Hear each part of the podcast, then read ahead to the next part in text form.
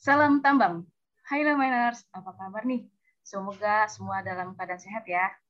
Kembali lagi bersama kami di Minerva Talk, podcastnya Himpunan Mahasiswa Teknologi Pertambangan PP Bandung.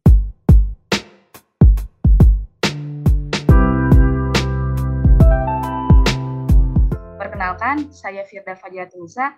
Pada episode 5 kali ini, kita telah mengundang salah satu orang yang sangat spesial. Bisa dibilang Wonder Woman lah yaitu uh, Tehana Nuraini. Uh, sebagai informasi, Tehana ini tuh uh, mantan salah satu asdos kita di mata kuliah geologi dasar dan geologi struktur. Bisa dibilang asdos terfavorit lah Teh. Penasaran kan siapa Tehana ini? Yuk kita langsung aja kita tanyakan ke Tehana. Halo Teteh. Halo, Assalamualaikum Waalaikumsalam. Apa kabar nih Teh? sih. Lanteng sih. Apa kabar Teh? Alhamdulillah, kabar aku baik sekali. Alhamdulillah banget di sini. Kamu gimana? Gimana kabarnya? Alhamdulillah Teh baik. Teh posisi di mana Teh sekarang? Ini aku lagi di Jogja sekarang hmm. tuh. Iya, lagi nggak di Bandung. Oke. Okay boleh langsung ke topiknya teh banyak nih boleh, yang mau dipertanyakan teh. Waduh waduh waduh. nyantai aja kan ini boleh sambil minum nggak nih? Boleh lah teh. Apa yang enggak buat teteh? Oke okay, nice. Oke okay. nih teh. Kita tuh mau tahu nih teh. Boleh nggak sih teh diceritakan latar belakang pendidikan teh anak latar belakang pendidikan nih dari TK dari SD apa dari mana nih? Uh, bebas lah teteh. Dari mana aja? Oke, okay, ya udah. Oke, Bismillahirrahmanirrahim. Uh, sebelumnya terima kasih banyak buat uh, Himpunan Mahasiswa Teknologi Pertambangan PP Bandung yang udah dengan berbaik hati ngundang aku di sini. Rasanya senang banget karena bisa ketemu lagi nih dari beberapa perwakilan teman-teman ya yang mewakili. Jadi berasa kepanggil lagi gitu untuk ada di lingkungan kalian. Thank you ya. Uh, jadi sebelum itu perkenalkan dulu ya, nama aku Hana Nur Aini. Uh, aku waktu itu tadi udah disebutin sama Firda ya, waktu itu aku pernah jadi asistennya mereka, itu dalam waktu kurang lebih satu tahun ya, dua semester. Nah, jadi sebelumnya aku S1 itu angkatan 2015 di Fakultas Teknik Geologi Unpad ya, Universitas Pajajaran, dan sekarang Alhamdulillah lagi narusin sekolah nih di uh, Fakultas Teknik di Departemen Teknik Geologi Universitas Gajah Mada. Dan sekarang udah di semester 2. Gitu deh. Dan ya senang sekali lah bisa berbagi sharing sedikit-sedikitnya di sore kali hari ini. Berarti sekarang lanjut S2 ya, Teh ya? Ya, Alhamdulillah aku lagi S2, sekarang di semester 2. Ini lumayan lah apa sih teh motivasi teh Hana lanjut S2 teh? Ada alasan khusus nggak teh? Kenapa lanjut S2? Kenapa lanjut S2 ya? Waduh. Ya. Ini kayaknya pertanyaan yang sangat umum ya sebenarnya. Tapi kadang juga agak sulit menjelaskan. Enggak deh. Uh, jadi sebenarnya untuk motivasi S2, ini aku tuh kalau nggak jawab pertanyaan ada durasinya nggak sih? Atau boleh cerita dulu atau gimana nih? Boleh cerita teh. Oh, boleh ya. Unlimited teh. Oke oke. Jadi kalau untuk motivasi S2 apa? Hmm, banyak ya sebenarnya motivasinya. Cuman mungkin beberapa yang bisa di-highlight untuk kali ini adalah uh, aku pribadi kan dari sebelum lulus S1 udah ini ya, udah mikirin kalau misalnya setelah lulus tuh mau apa gitu kan, hmm. mau jadi apa kayak gitu. Dan dari awal sebelum lulus aku emang pengen jadi pengajar gitu dosen lah bisa dibilang ya dosen gitu maka dari itu waktu pas lulus sebenarnya sempat ada pikiran untuk eh coba dulu deh cari kerja cari pengalaman kerja biar mungkin ngedoseninnya juga jadi lebih apa ya lebih enak aja karena ada pengalaman kerja. Tapi ternyata uh, setelah lulus itu terus coba bikin CV gitu ya coba mau apply kerja tuh rasanya kayak nggak semangat aja gitu kayak beda aja dengan pas pas dibilang uh, pas disuruh orang bukan disuruh orang tua sih kayak ditanya orang tua ini fix nih mau kerja atau mau lanjut sekolah? Terus pas aku jawabannya kalau sekolah aja boleh nggak itu langsung seneng banget gitu. Jadi langsung nyiapin lah gitu. Nyiapin si apa apa yang harus aku lakukan. Terus mana sih universitas yang bakal aku pilih gitu kan. Dan topik apa yang pengen aku uh, apa dalami gitu nanti di S2 jadi kayak gitu. Hmm, jadi memang dari awal proyeksi aku ini pengen menjadi dosen. Nah maka dari itu aku ya willy nilly mau nggak mau dong. Kalau misalnya untuk jadi dosen kan nggak mungkin ya S1 gitu kan makanya aku harus terus sekolah gitu bahkan sekarang kalau misalnya di dosen negeri itu kan uh, harus S3 ya. Dalam arti S3 itu mungkin uh, lebih dipandang lah dibandingkan yang uh, lulusan S2 gitu. Lebih mudah masuknya di S3. Walaupun ya nggak bisa dipungkiri sih namanya rezeki nggak ada yang tahu ya.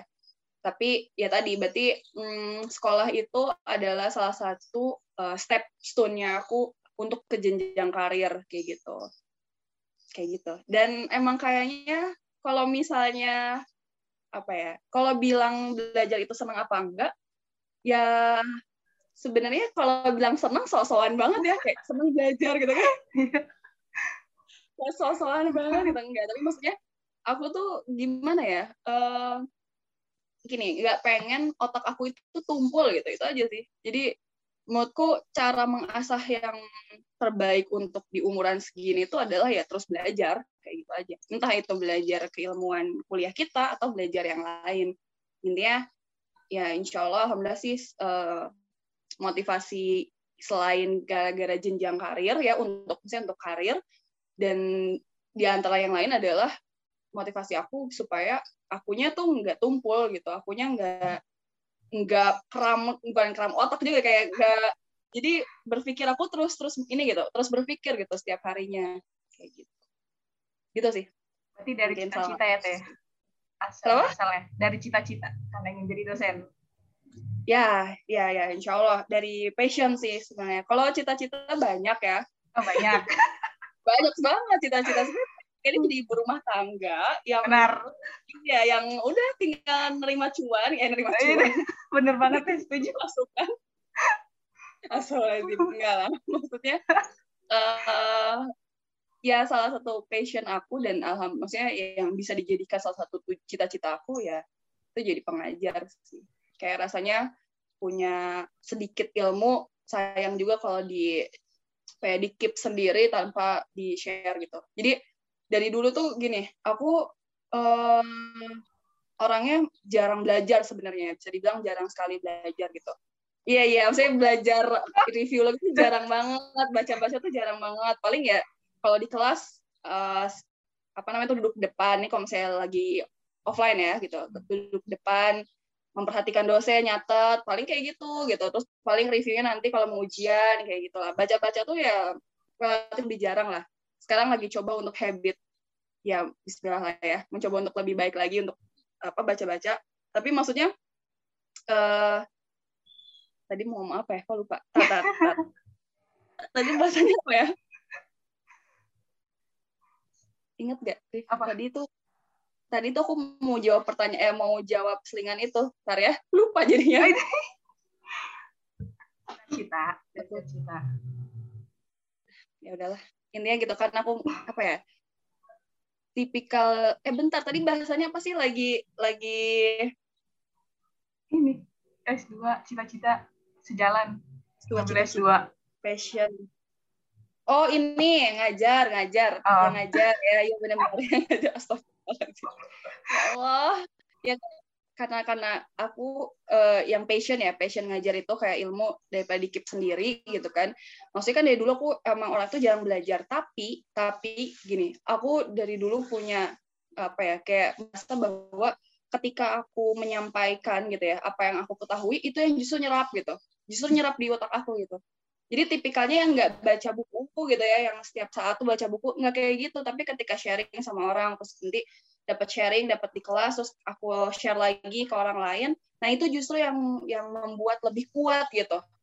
Kalau di aku gitu. Makanya salah satu yang jadikan aku passion untuk apa ya passion aku tuh itu gitu. Dan yang menjadikan aku lebih apa ya seneng bukan senang menjadikan jadi fokus tujuan salah satu goals di hidup aku untuk mengajar ya itu juga gitu. Supaya ilmu yang aku dapetin itu yang nggak tumpul nggak habis kayak gitu terus dialirin juga ke orang-orang dan akhirnya juga itu sebenarnya feedbacknya sebenarnya buat pribadi juga gitu di samping untuk orang lain tapi justru lebih besar untuk uh, efeknya tuh lebih besar untuk diri sendiri kayak gitu.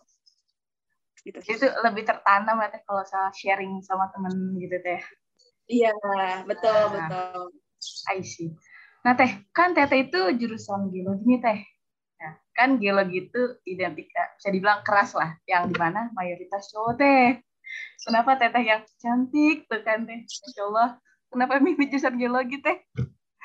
Masya Allah cewek ya kenapa cewek uh, pilih geologi ya aku sendiri ya. pilih geologi um, sebenarnya uh, kalau untuk pilihan geologi itu jadi dulu di SMA ya waktu di SMA tuh benar-benar uh, aku tuh pengen kuliah tuh di pindah-pindah gitu loh tempatnya gimana ya kayak keinginan aku tuh berubah-berubah maksudnya gitu. Kayak kelas satu aku pengennya di mana kelas dua pengen di mana kelas tiga tuh pengen di mana. Literally berubah-berubah gitu. Ada pada saatnya waktu pas berarti kelas tiga ya kelas tiga kelas tiga tuh kayak udah mau benar-benar mau kuliah kan udah mau SNPTN undangan ya kalau sekarang uh, jalur undangan sama SBMPTN tuh jalur tertulis ya kalau sekarang UTBK Nah, itu aku harus menentukan kan. Nah, kebetulan waktu pas SMA itu aku tuh aku seneng sama aktivitas yang di luar gitu. Kayak ya aktivitas yang di luar gitu. Nggak nggak suka gitu aktivitas yang cuma di kelas gitu ya. Kayak itu tuh nggak ngerti ya bikin sumpek aja gitu. Anaknya tuh nggak bisa diem lah pokoknya pengennya tuh keluar. Terus aku mikir ini apa nih kira-kira yang uh, mata kuliah yang sekiranya punya aktivitas di luar gitu. Terus ya udah akhirnya Eh, searching-searching dan terus diskusi juga sama keluarga gitu kan. Dan kebetulan salah satu keluarga juga ada yang di perminyakan gitu ya salah satu company. Jadi dikasih dikasih apa dikasih arahan udah coba ke sini aja gitu.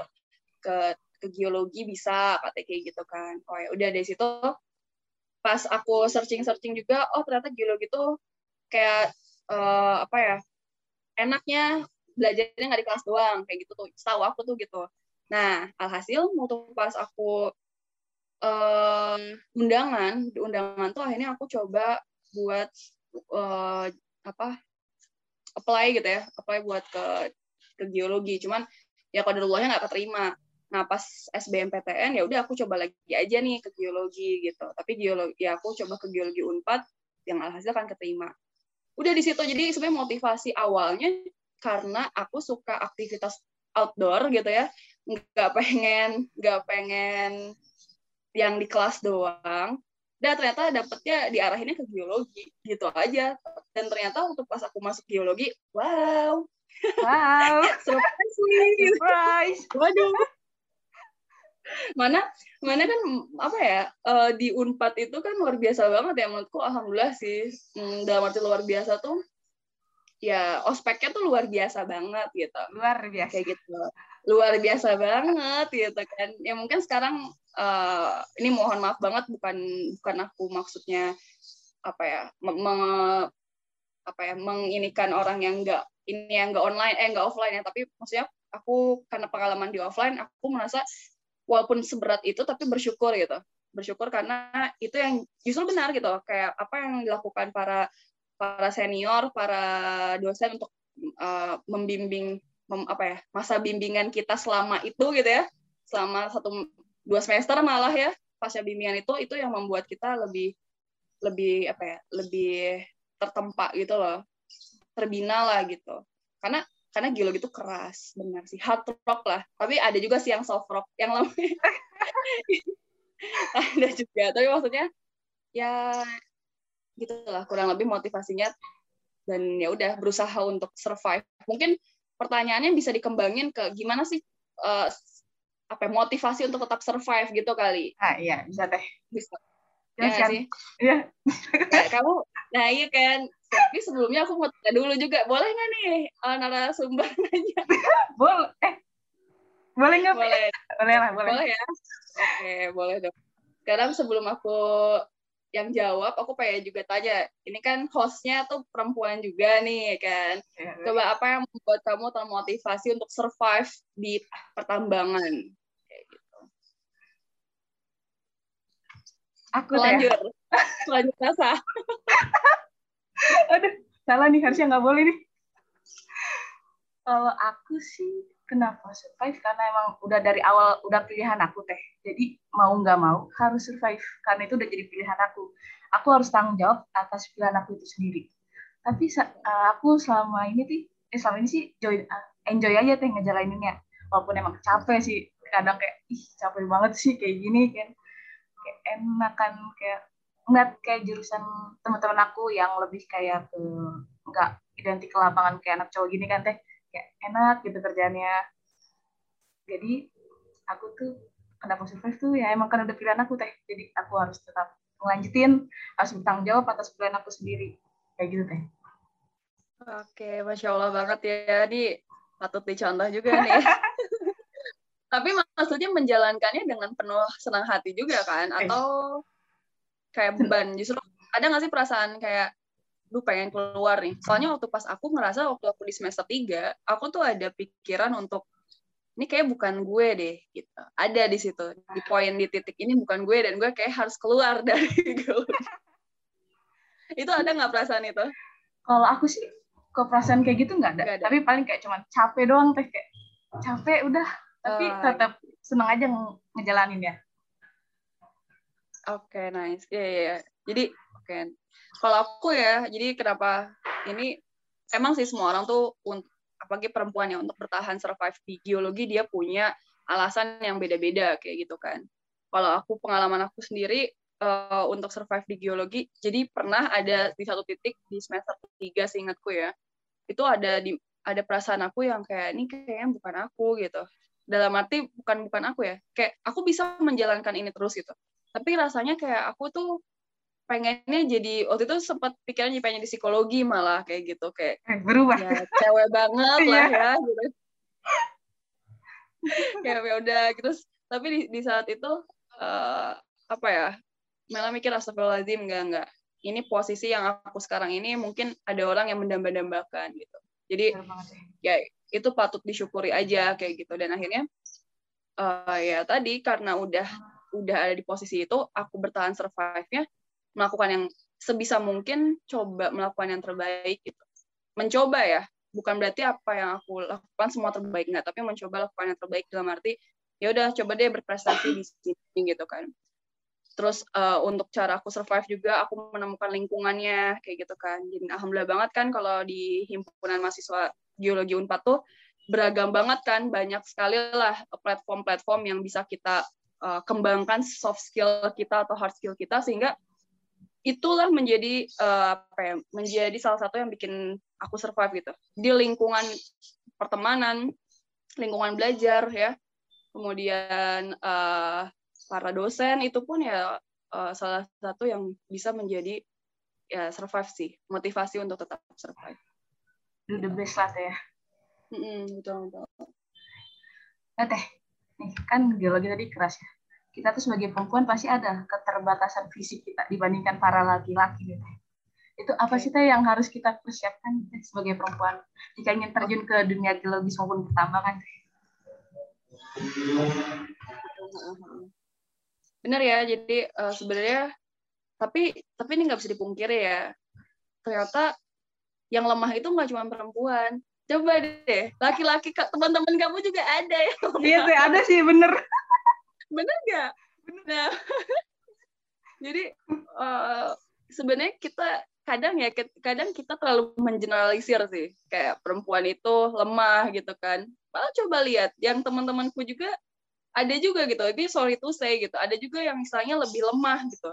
Dalam segi fisik ya dibandingkan aku gitu misalnya itu mungkin terjadi. Cuman ya mungkin oke okay lah kita let's say uh, sama-sama kita punya apa ya uh, istilahnya uh, keterbat anggap itu sebenarnya jangan dianggap keterbatasan sih. Lebih ke apa ya mungkin kita memberi barrier sendiri sih. Kalau aku kayak mindset sendiri kayak perempuan tuh lemah gini. Itu mindset sendiri kalau menurutku nah tapi karena kita misalnya anggap semua punya mindset seperti itu. Nah, apa sih yang harus dilakukan sebagai perempuan? Aku pribadi ya, uh, pertama yang tadi aku bilang ya, untuk kita pernah melakukan masa bimbingan ya gitu waktu pas lama ospek tuh itu sangat berpengaruh banget sih menurutku itu salah satunya jadi ospek tuh berpengaruh banget untuk mental dan fisik itu ngaruh jadi makanya kenapa wajar kalau misalnya pertambangan geologi perminyakan atau teknik yang lainnya dia punya ospek yang orang anggap itu keras gitu. Orang anggap itu keras. Ya kan? Tapi se sebenarnya itu adalah untuk kebaikan kita sendiri gitu. Nah itu tuh uh, bisa jadi uh, apa ya namanya yang patut kita syukuri karena kita punya ospek gitu. Itu yang membangun mental dan fisik kita. Itu satu. Tapi misalnya gini kalau misalnya oh ternyata udah beres nih. Ini buat teman-teman yang baru mulai ya. Yang baru mulai di geologi atau di pertambangan ya. Di baru mulai ini coba ketika emang ada ospek jalani secara maksimal gitu ya dengan sepenuh hati. Tapi ini buat kita kita nih ya misalnya nih yang udah telah, udah beres udah lewat tuh ospeknya kan terus apa sih yang bisa kita lakukan untuk perempuan ya? Untuk perempuan salah satunya jaga fisik kita. Itu itu beneran deh. Kayak misalnya Firda Firda mau TA kan nanti ya Insya Allah kan. Nah kita kan juga perlu mempersiapkan fisik. Cobalah rutinin untuk olahraga. Itu tuh harus banget Makanya kenapa anak-anak orang-orang lapangan itu perlu jaga kesehatan dan harus olahraga ya minimal seminggu tiga kali lah untuk lari gitu atau untuk jalan. Nah itu emang salah satunya untuk buat endurance kita gitu sama apa uh, ya benar endurance fisik kita. Karena kan kita kerjanya udah lapangan plus mikir kan ya gak sih? Itu gitu. Double bukan mikir dua kerjaan jadi. Iya kan, double jadi udah iya. otak ngebul gitu kan, fisik juga keluar. Nah itu makanya jaga kalau aku ya untuk tips buat buat yang lain coba biasakan untuk lebih olahraga sih yang paling pasti. Itu satu olahraga.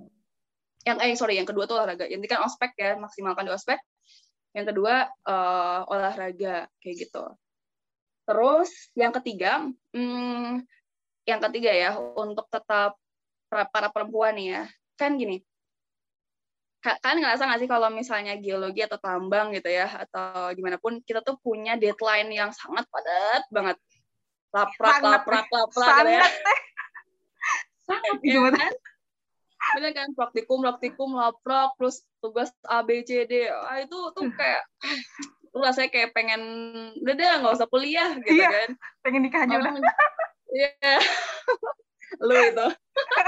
Ya deh boleh deh. Nikah aja dan.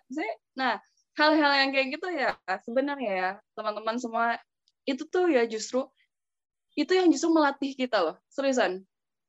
Justru itu yang melatih kita nantinya gitu. Ketika kita dihadapkan dalam TA misalnya ya tugas akhir atau misalnya udah beres TA itu yang akan dihadapkan nanti di, di dunia pekerjaan karena dunia pekerjaan atau nanti TA itu akan lebih pressure lebih tinggi dibandingkan yang kalian laprak-laprak gitu. Kita dulu laprak-laprak itu tuh kayak gak ada apa-apanya deh kayak gitu gitu. Jadi uh, poin yang ketiga adalah maksimal apa ya uh, ini yang masih kuliah berarti ya case yang masih kuliah. Ini ya udah kita coba membiasakan diri punya kesibukan banyak gitu. Itu tuh punya kesibukan banyak dari mulai akademik akademiknya kan berarti ya tadi ya ada ada di kelas kemudian di praktikum atau di apa itu maksimalkan aja dan coba latih emosional kita gitu supaya kita ngejalanin itu tuh ya udah gitu dengan tetap dengan apa ya, keikhlasan lah gitu karena itu benar-benar akan berpengaruh kemudian itu ya yang ketiga dilatih dengan banyaknya uh, pekerjaan-pekerjaan yang bisa dilakukan di akademik. Nah, yang keempat, latih kalian dengan apa? Dengan banyaknya pekerjaan di luar akademik. Seriusan itu sangat berpengaruh banget. Organisasi apalagi. Itu sangat berpengaruh banget. Kayak waktu dulu ya, uh, kenapa ya misalnya ini Allah juga sih. Kayak Allah ngasih kesempatan buat aku uh, waktu pas di S1 itu punya banyak nggak banyak terbaik banget sih. Punya beberapa sorry. Punya beberapa organisasi lah dalam satu kali periode kepengurusan gitu. Jadi kayak dalam satu hari itu bisa berapa kali rapat. Nah itu tuh kayak ternyata oh ngaruh juga gitu setelah aku setelah aku lulus gitu ya. Kayak aku uh, jadinya ketika misalnya dihadapkan dengan suatu pekerjaan yang sangat banyak itu jadi terbiasa aja gitu. Nah itu tuh ngaruh juga ketika nanti di dua pekerjaan. Mungkin di pekerjaan punya banyak pekerjaan gitu ya. Punya banyak pekerjaan yang harus kita lakukan dalam satu waktu gitu ya atau dalam satu deadline yang sama. Nah itu karena kita udah biasakan di organisasi kita ya di poin 4 yang tadi itu itu bisa membuat kita lebih terbiasa gitu, terasah aja. Jadi ketika nanti dihadapkan di pekerjaan atau nanti di TA, di skripsi itu it's okay, itu nggak jadi masalah. Kurang lebih itu sih. Nah, saya kan pastinya eh, organisasi tadi kan penting ya teh ya untuk ke depannya. Nah gimana teh cara membagi akademik dan organisasi gitu teh? Cara bagi waktunya teh susah banget. Oh ini, lah ya. Iya ngerasain ya udah punya himpunan. Iya teh. Cara membaginya pasti yang pertama semua orang tuh perlu adaptasi ya, nggak bisa seinstan itu. Jadi wajar ketika misalnya Firda merasakan ini baru nih, baru di apa himpunan kan baru baru di himpunan baru apa ya, adanya himpunan, kemudian ada juga uh, akademik gitu ya. Terus kewas banget kan untuk apa untuk manajemen waktunya gitu. Itu wajar itu perlu adaptasi. Cuman kalau misalnya dulu kemarin waktu pas aku ini ya waktu pas aku di S1 kemudian setelah dari S1 juga kan masih ikut beberapa organisasi uh, yang bisa aku ambil poinnya ya uh, gimana cara kita membagi waktu? Sebenarnya satu yang pertama ya yang pertama adalah tentukan dulu tujuan kita untuk masuk ke dalam organisasi itu. Satu. Jadi kita tentuin dulu nih, jangan asal masuk kayak misalnya uh, ah ikut-ikutan gitu ya. Uh, yang lain himpunan, ya gue harus himpunan juga kayak gitu. Ya mungkin kalau sisi positifnya bagus dalam arti oh jadinya dia aktif juga gitu. Tapi sisi lainnya ketika kita nggak berkomitmen dalam organisasi itu ya udah kan kita akhirnya hands up sendiri gitu kan. Yeah. give up sendiri. Nah itu makanya kenapa pentingnya yang pertama adalah tentukan tujuan kita. Apa sih yang kita cari di himpunan itu? Apa sih yang kita cari di organisasi itu gitu? Misalnya uh, Firda atau teman-teman yang lain mau ini masih kuliah dan dihadapkan dengan beberapa pilihan organisasi. Ada BEM ada himpunan ada uh, student chapter misalkan gitu ya. Atau ada UMKM lainnya kayak gitu. Nah kalian harus uh, apa namanya list dulu. Sesuai nggak nih sama tujuan yang pengen dicapai? Misalkan untuk masuk organisasi A gitu ya. Oh aku pengen masuk organisasi A. Karena di organisasi A ini bagus nih.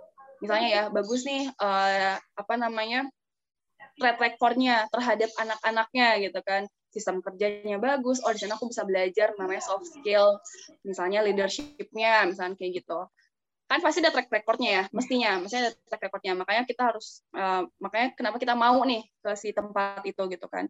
Terus misalnya oh di, di organisasi B ini kita dapat banyak nih so, hard skillnya nih tentang misalnya tentang perminyakan tentang biologi banyak bisa kita dapetin. Kan bisalah disambil kita masuk organisasi itu menunjang banget nih akademik kita kan kayak gitu. Jadi kita masuk ke organisasi itu. Atau misalnya oh, aku pengen masuk organisasi itu karena kecengan di situ misalnya gitu ada juga yang kayak gitu. Ada sih. Ada. Ya pasti ada gitu. Itu kan sebenarnya tentukan tujuan kalian gitu mau apa. Nah setelah bisa nentuin tujuannya baru kita bisa berkomitmen di situ. Jadi ketika lelah ya ketika lelah ketika nggak bisa bagi waktu kita langsung berpikir lagi oke okay, ini sebenarnya tujuan gue di sini tuh apa? gitu. Kan gue pengen di sini apa ya mengasah diri aku untuk belajar waktu lebih baik gitu kan. Dengan aku ikut organisasi ini dan organisasi itu berarti kan aku harus membagi waktu dengan sangat baik. Ya udah aku manfaatkan skill itu gitu. Eh manfaatkan platform itu untuk mengasah skill aku. Nah kayak gitu. Itu poin pertama adalah tentukan tujuannya. Terus kemudian yang kedua ini ini sebenarnya bukan hal yang klise. Justru ini hal yang mendasar yang memang harus apa ya harus ada di setiap orang tuh pasti punya seperti ini. Yang kedua adalah tentukan skala prioritas kayak gitu jadi prioritas di sini dalam arti uh, kita tuh gak gini ya. Yang namanya prioritas itu kalau aku, aku pribadi yang namanya prioritas itu bukan prioritas satu, prioritas dua, prioritas tiga, nggak kayak gitu gitu. Jadi nggak bisa kita gak kalau aku pribadi aku nggak bisa memprioritaskan kayak misalnya yang satu kuliah, yang satu yang kedua keluarga, misalkan kayak gitu, yang tiga SC atau yang empat B misalnya itu, itu tuh nggak bisa kayak gitu kalau aku. Tapi aku tuh dalam satu ban, dalam satu uh, satu kepengurusan, misalnya let's say 6 bulan, satu semester ini apa prioritas aku? Lima misalnya aku punya lima prioritas, ya udah kelima lima ini nggak bisa aku urutkan dari satu ke lima nggak bisa. Tapi lima ini menjadi prioritas aku sehingga nanti ketika ada apa-apa, mana yang aku harus prioritaskan dulu di antara lima ini sama di luar lima itu gitu. Nah itu, makanya itu yang namanya pembagian waktu tuh. Kayak kita lihat di hari ini, kira-kira ada yang rapat penting nggak gitu kan? Rapat penting itu di situ kita sebagai apa? Kalau kita sebagai ketua dan kita apa dalam arti kita sebagai ketua, kemudian kita yang memang uh, mengelit rapat tersebut mau nggak mau kita harus memproteskan itu kan dibandingkan nanti kita ada rapat ada rapat yang lain kita sebagai anggota yang sebenarnya anggota ini kita cukup mengetahui tapi kita tidak berperan di sana.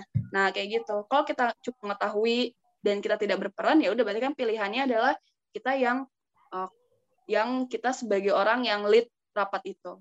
Nah kayak gitu-gitu yang harus kita biasakan gitu. Atau misalnya akademik ya di akademik ini laprak belum kelar, tapi aku harus mimpin rapat. Apa yang mau dilakukan?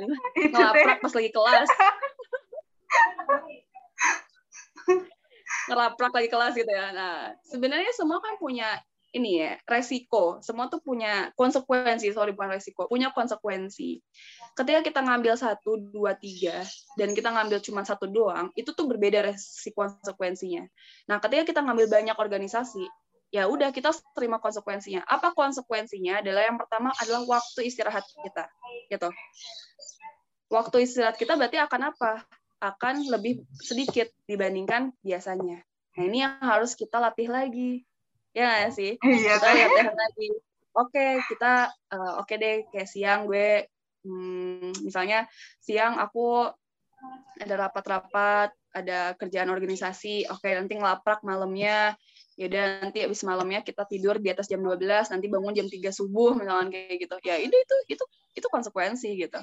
Yang harus dihadapi gitu. Nggak bisa karena kita pengen banyak terus kita pengen tidur juga lama itu nggak bisa. Itu nggak bisa. Kayak gitu. Jadinya uh, kalau untuk tips and trick yang buat ini ya buat organisasi dan akademik ya tadi semua itu ada konsekuensinya. Tinggal kita tentukan tujuan kita pilih yang kita benar-benar bisa men apa ya, develop diri kita ya self development nah itu baru kita ambil. Tapi justru kalau misalnya nih kalian uh, misalkan kalian baik organisasi kemudian akademik malah terbengkalai. Nah hati-hati di sini. Berarti goals atau tujuan untuk berhimpun dan untuk menjadi mahasiswa itu kurang tercapai. Kenapa? Karena ada salah satu yang menjadi efeknya gitu kan ya nggak sih? Kayak malah akademik jadi ngulang gitu kan. Benar nggak sih? Kayak jadi malah gajulan itu kan bukan seorang mahasiswa mestinya ya. Seorang mahasiswa kan amanah terbesarnya adalah belajar. Benar nggak? Ini ini amanah loh. Kayak mahasiswa itu kan suatu amanah. Amanah kita itu ya itu di kelas terus kemudian nanti tugas akhir dan akhirnya lulus kan. Itu amanah kita. Misalnya organisasi itu apa? Itu organisasi adalah suatu hal pendukung yang sangat besar. Memang efeknya untuk kita ke depan, tapi jangan lupa untuk amanah besar ini gitu. Jadi ketika nanti uh, sewaktu-waktu kalian udah merasakan nih aduh ini terganggu sekali nih antara studi aku akademik aku dengan organisasi sangat tercampur baur gitu ya semuanya nggak begajulan lah nggak nggak terarah itu evaluasi diri lagi. Sering evaluasi diri. Itu tips berikutnya sering evaluasi diri. Jadi kayak per semester kalian evaluasi ini aku tetap bertahan gak ya di organisasi ini? Udah aku udah dapetin apa aja di organisasi ini. Aku udah kontribusi apa aja di, di organisasi ini. Kalau kalian nggak dapetin apa-apa atau kalian yang nggak kontribusi sama uh, himpunan itu atau organisasi itu ya mendingan out aja keluar gitu. Kayak gitu. Jadi pilih sesuatu yang memang kalian bisa bertanggung jawab atas pilihan kalian ya yang tidak disebutkan gitu. Kurang lebih gitu. Kejawab nggak ya? Atau nggak kejawab? Sangat kejawab. Sangat sangat kejawab oke deh sekarang aku ingin Soalnya berbicara. aku eh, eh lanjut lanjut nggak apa-apa nggak apa lanjut Enggak, ini sedikit cerita aja. Soalnya waktu itu eh. kenapa aku bisa ngomong kayak gini, sebenarnya aku bisa ngomong kayak gini karena aku pernah melewatkannya gitu. Bukan berarti ketika aku ada di fase kalian, aku udah punya pemikiran seperti ini. Enggak ya. Jadi maksud aku kenapa aku sharingin kayak gini, ini hasil dari setelah setelah dan ketika berlangsung dan setelah berlangsungnya aku waktu pas sarjana kayak gitu. Jadi dulu memang prosesnya juga lama untuk dapat pencerahan kayak gini gitu. Kayak dulu ngambil A, B, C, D semua diambil, tanggung jawab semua diambil, akademik jadi gini-gini kayak gitu kayak jadinya uh, oh ternyata uh, gak bisa nih kalau kita ngambil semuanya kita juga punya kapasitas diri kita harus punya kita harus kita harus mengukur gitu. Kita harus mengukur kapasitas diri kita tuh sampai mana tapi jangan sampai kita membatasi ngerti nggak? Jadi kita harus ukur nih ya kapasitas kapasitas diri kita. Kita ukur nih tenaga kita waktu kita yang kita punya pikiran kita yang kita punya kita harus ukur. Tapi jangan juga kita membatasi karena misalnya aduh aku nggak punya waktu aduh aku nggak punya tenaga nggak punya pikiran jadi adalah belajar aja misalkan gitu ya pilihannya belajar aja nggak ikut organisasi nggak ikut lomba nggak ikut apa. Nah itu sangat disayangkan kayak gitu. Selagi ada kesempatannya dan kapasitas diri kita masih bisa kemudian kita juga berkomitmen untuk uh, melakukan sebaik-baiknya kemudian menerima semua konsekuensinya ya insya Allah sih semua juga akan berjalan. Either akademik maupun non akademik uh, menurutku itu suatu hal yang yang bisa berjalan secara beriringan kayak gitu. Dan mungkin juga cari cari ya organisasi yang atau platform ya platform yang istilahnya me, me, apa ya meng, menunjang menunjang akademi kita. Jadi waktu itu aku justru fokus di semester semester akhir tuh fokus di tempat-tempat yang memang menunjang akademik aku gitu. Misalnya di laboratorium gitu kan sebagai asisten tapi juga nggak lupain organisasi lainnya kayak gitu. Jadi cari tempat juga yang bisa menunjang akademik di organisasi tersebut impresif teh teh sekarang aku depan kamera aja sih ngomong ya. nggak laku percaya sama teh pasti do the best Allahumma amin. Nah, uh, untuk sekarang aku pengen ngomongin relasi teh. Hmm. Menurut Teh Hana tuh kan pasti penting lah ya kita membangun relasi teh. Nah, gimana sih cara Teh Hana selama ini untuk membangun relasi-relasi tersebut? Kayak itu Teh Hana banyak banget tuh relasinya tuh. Kalau nggak SG Bisa ceritakan. Masa? Iya.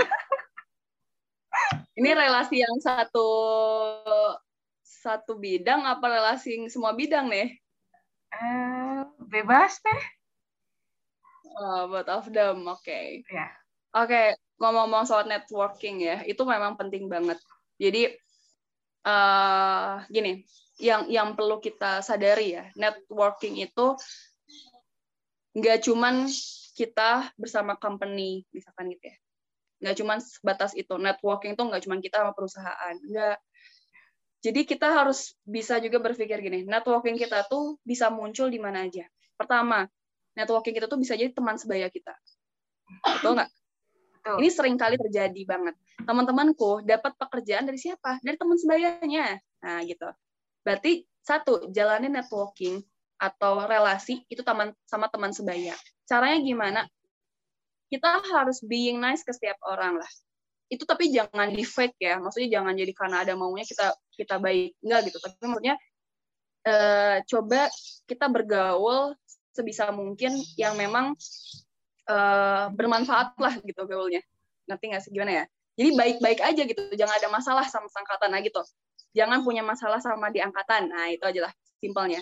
Satu itu. Karena siapa tahu mereka yang akan jadi relasi kita nantinya gitu. Networking kita tuh ada di mereka semua. Satu. Networking sebaya teman sejawat teman seangkatan gitu ya. Either di kampus di teman SMA teman SMP tetap engage mereka sampai saat ini gitu siapa tahu dapat pekerjaan dari mereka yang kedua itu adalah relasi kita terhadap senior kita jangan lupa senior kita tuh bisa jadi relasi kita benar nggak Benar. Tapi kalian gak punya senior gak ya? punya senior teh masalahnya teh. sorry sorry. Mah enggak, enggak apa-apa. Tapi ini buat kan mungkin yang dengar nggak cuma himpunan teknik eh, teknologi pertambangan doang, PP kan, siapa tahu yang lain ya. Iya teh. Atau mm, kita bicara general juga ya, senior di sini nggak cuma senior di kampus, bisa juga kan senior di SMA, di SMP atau di tempat mana pun ya, organisasi mana pun, kan mungkin ada juga seniornya. Itu bangun relasi terhadap senior. Gimana cara bangun relasi terhadap senior? Ya uh, salah satu yang paling simpelnya adalah berbaur gitu. Udah itu yang paling simpel. Ketika di kuliah jangan ngekip apa ya, jangan membatasi diri hanya sekedar gue teman cuma satu circle doang. Itu. Gue cuma teman ya itu itu lagi lah. Pagi ketemu dia siang ketemu dia sore ketemu dia gitu kan. Malam pulang juga ketemu dia. Ya kalau bisa tuh uh, coba expand lagi lah gitu kan. Uh, kembangkan apa perbesar lagi wilayah uh, pertemanan kita. Dengan cara ya tadi berbaur berbaur dengan cara apa ikut organisasi. Nah itu juga salah satu kita bisa bangun network ikut organisasi itu sangat penting banget ya buat relasi itu yang senior. Terus yang ketiga adalah junior. Nah ini kalian punya junior kan sekarang? Punya kan? hati-hati. Sama junior juga jangan seenaknya guys. Siapa udah nih tenang siapa tahu? Bener kan? Siapa Benar. tahu dapat pekerjaan nantinya atau rezeki ya nggak harus pekerjaan deh jodoh misalkan atau apa pun lah ya. Kan kita nggak pernah tahu ya. Jadi eh, bangun deh sama sama sama junior kita gitu tetap be nice tetap baik gitu kan berbaur dengan mereka. Ketika mereka membutuhkan sesuatu uh, kalian punya waktu ya udah kerahkan waktu kalian untuk mereka gitu. Asalkan itu positif ya. Ketika misalnya mereka pengen tutor masalah pelajaran masalah akademik atau masalah organisasi ya silahkan gitu. Kalian ketika punya waktu punya tenaga gitu ya sampaikan kepada mereka sharing sama mereka gitu. Berbaur sama mereka ajak main ajak ke sini ajak belajar bareng atau apa pun itu. Itu itu tuh membangun sekali relasi gitu kadang orang mindset kayak gini membangun relasi itu harus ke company membangun relasi itu harus ke perusahaan aja. Ya nggak sih? Ketika kita ada speaker kita uh, ketika dia keynote speaker kita approach dia. Ya itu memang itu salah satu network itu salah satu relasi yang perlu kita engage. Tapi jangan lupa tiga poin ini yang sebaya yang senior dan junior itu tuh harus mesti kita benar-benar membangun itu dari sejak sekarang. Karena tiga itu yang bisa kita bangun sejak sekarang gitu dan nggak tadi ya sekali lagi nggak menutup kemungkinan pintu rezeki kita ada di tiga tiga tempat ini gitu entah itu junior kita sebaya kita atau uh, senior kita. Itu. Yang keempat apa? Dosen. Kolega ya dosen. Itu juga sama. Dosen juga kita tetap baik sama dosen. Kemudian ketika dosen ada yang belajar lah kayak menghargai mereka, menghormati mereka gitu ya. Hormati seluruh dosen yang ada di PEP ya, yang ada di seluruh uh, universitas gitu. Hormati beliau-beliau yang udah ngajar kita gitu ya itu bisa jadi relasi kita karena aku dapat asisten dosen di kalian ya di PP itu dari mana relasi aku networkku dari Bu Aton hmm. Bu Aton tuh dosenku gitu ya kan iya makanya gitu. Aku waktu pas kemarin eh, dosenku ya berusaha deket lah sama dosen gitu. Kebetulan kan Bu Aton uh, pembimbing aku kemudian juga aku asisten beliau juga. Jadinya ya udah gitu. Ketika udah dinotis sama dosen insya Allah sih dosen juga nggak akan lihat ke mana-mana, pasti lihat ke orang yang udah dipercaya gitu. Oh, ini kayaknya orang ini bisa dipercaya, orang ini kayaknya ada waktu gitu kan. Bukan berarti orang-orang yang orang-orang yang di luar sana nggak dipercaya enggak, tapi maksudnya posnya lagi posnya aku lagi ada waktu, kemudian juga uh, dekat lah sama Bu Aton, akhirnya ya udah di, direkrut lah untuk uh, rekrut untuk jadi asistennya beliau kayak gitu. Jadi ya engage terus sama dosen. Jangan sampai kita malah uh, lari dari dosen ya itu itu jangan sampai sih ada nggak di sini yang lari sama dosen tuh? Ada dosen ini kabur gitu. Lagi sih ada teh. Ada dosen itu takut karena belum tugas atau takut karena nilainya jelek. Ah itu nggak ada masalah sih kalau menurutku. Semua tuh bisa diperbaiki insya Allah gitu. Bangun uh, apa sama dosen sama asistennya gitu kan. Siapa tahu mereka mereka lah pintu-pintu rezeki kita nantinya. Dan terakhir mungkin relasinya adalah di uh, apa uh, dia tadi ya perusahaan-perusahaan kayak gitu. Nanti tuh koneksi-koneksi perusahaan itu akan terbuka lebar sebenarnya ketika kita mengikuti beberapa event. Nah itu sih. Event-event itu juga menurutku menjadi salah satu bentuk uh, apa namanya kita bisa mendapatkan relasi. Misalnya ikut conference ikut lomba gitu kan ya. Ikut uh, paper competition kayak gitu. Itu tuh salah bisa jadi wadah lah kita tahu kita bisa dapetin relasi itu. Atau misalnya kita ngadain acara ya himpunan kalian ngadain acara terus ngundang speaker. Nah itu itu bisa jadi relasi banget. Ya ngundang course keynote speaker gitu ya ngundang buat course gitu kan. Ya nantinya kalian bisa tahu lah undang kan dari PT apa dari mana kayak Pertamina, Antam, misalnya atau J Resource gitu misalnya atau apa pun itu ya perusahaan company yang memang bisa uh, kalian uh, apa ya ketemulah sama beberapa orang perusahaan di perusahaan itu. Begitu. Sungguh-sungguh memberikan pencerahan teh. Teh. Panjangan ya, maaf ya. Bagus teh, justru sangat lengkap, detail. Teh, last question nih teh. Benar-benar last question. Uh, ada nggak? Oh, udah last lagi nih. Oh, eh, iya. Alhamdulillah. Udah kejawab soalnya teh semuanya. Oh, masa? iya. Deh, pesan khusus teh untuk kita. Lagi kan kita sekarang kuliah tuh online teh, lagi masa pandemi kayak gini. Ya, kadang semangat belajar tuh naik turun naik turun teh itu pesan khusus buat kita teh agar kita tetap semangat dalam keadaan kayak gini sekarang teh. Waduh, rasanya rasanya ini kayak kayak menginikan diri sendiri ya, karena kan aku juga online ya. Iya.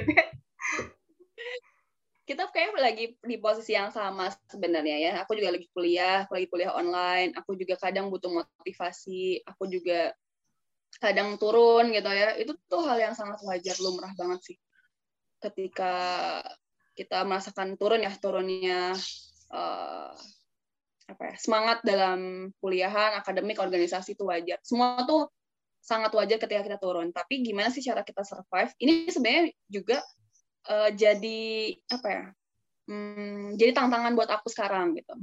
Gitu. Gimana sih caranya aku buat survive di Jogja gitu ya di keadaan aku kuliah kayak gini gitu kan. Uh, offline eh offline online gitu kan. S2 online gitu. Di kayak aduh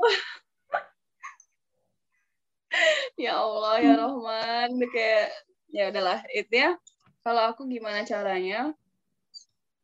Uh berat ya. Saya berat berat serius berat. Tapi gini hmm, yang yang apa ya yang yang aku alami ya, yang aku alami uh, ketika aku berat, aku ini dulu, ketika aku kehilangan motivasi untuk belajar atau untuk akademik ya, misalnya untuk perkuliahan ya, either itu akademik atau non akademik, itu coba uh, evaluasi dulu apa yang membuat aku menjadi uh, turun semangatnya. Itu. Jadi evaluasi dulu apakah yang aku menjadi turun tuh yang pertama bisa jadi karena banyaknya tugas benar nggak karena banyaknya tugas kemudian kitanya menunda-nunda dan akhirnya kita males banget buat ngerjain itu menjadi motivasi kita turun nah, ya, itu bisa bener, nah, bener ya sih? Bener banget teh. Itu kan jadi coba kita cari dulu nih core-nya tuh apa gitu. Core-nya tuh apa? Bisa jadi kan karena itu. Atau yang kedua karena kemarin lagi libur ya lagi liburan. Terus akhirnya kita udah eh, nggak memikirkan masalah belajar gitu ya. Kita seneng having fun gitu. Ketemu keluarga ketemu teman-teman gitu kan. Yang akhirnya pas mau kuliah lagi aduh kuliah aduh, lagi pulang saya udah nggak pengen kuliah gitu. Gitu. Jadi uh, ya yang hal-hal kayak gitu sebenarnya uh, itu itu dialami banget sih buat aku pribadi gitu.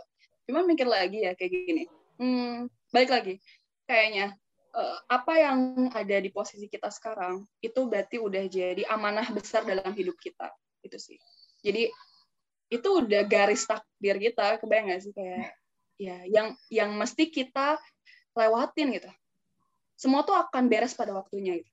Semua itu akan beres pada waktunya. Tapi bagaimana cara kita beres gitu kan? Proses proses itu yang justru akan menjadikan kita menjadi suatu orang yang berkualitas atau tidak berkualitas. Ketika kita misalnya lagi demo kemudian akhirnya kita demo terus gitu ya ya udah kita berarti menjalan semua itu akan kelar ya pada waktunya. Akan itu udah pasti. Semua ya kalau kita punya umur ya dan dikasih rezeki sama Allah gitu ya itu akan kelar pada waktunya tapi dalam suatu proses itu gimana nih? Kita mau jadi orang yang berkualitas atau justru orang yang tidak berkualitas?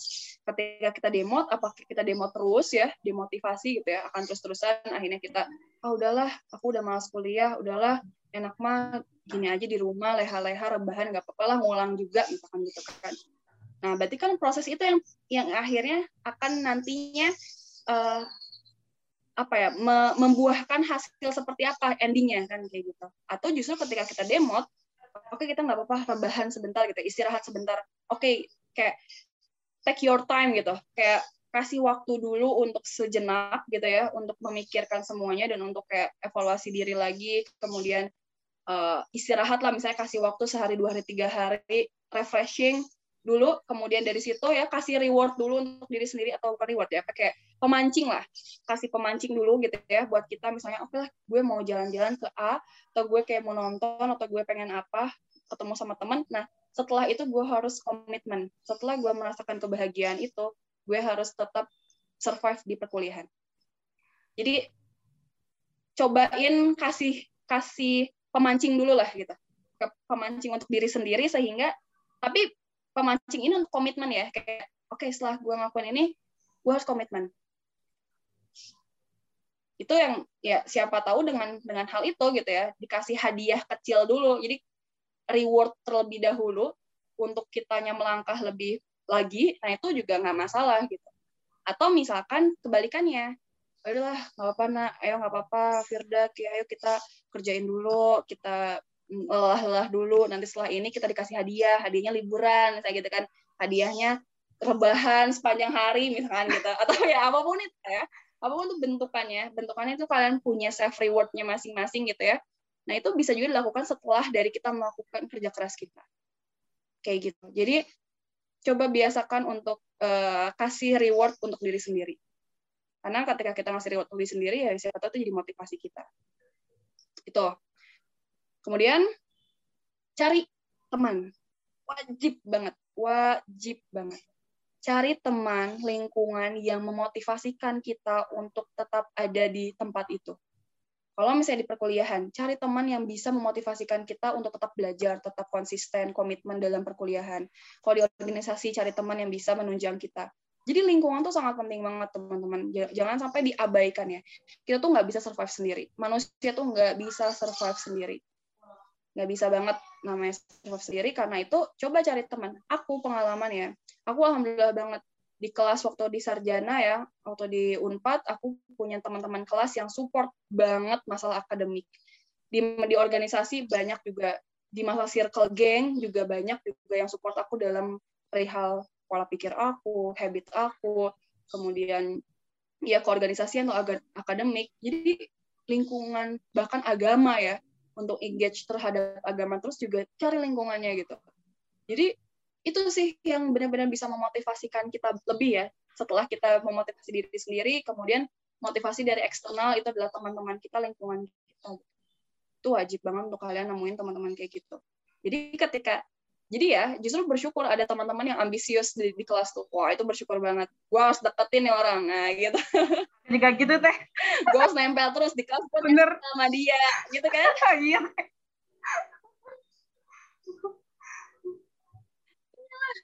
kita gini loh orang gini ya ini nih ya sebenarnya nih teman-teman mungkin yang dengar siapa pun lah orang unpad orang mana pun ya. Hana tuh kalau bisa dibilang apa ya orang tuh nyangkanya Hana tuh kayak pinter gitu ya Hana tuh gini gini gini.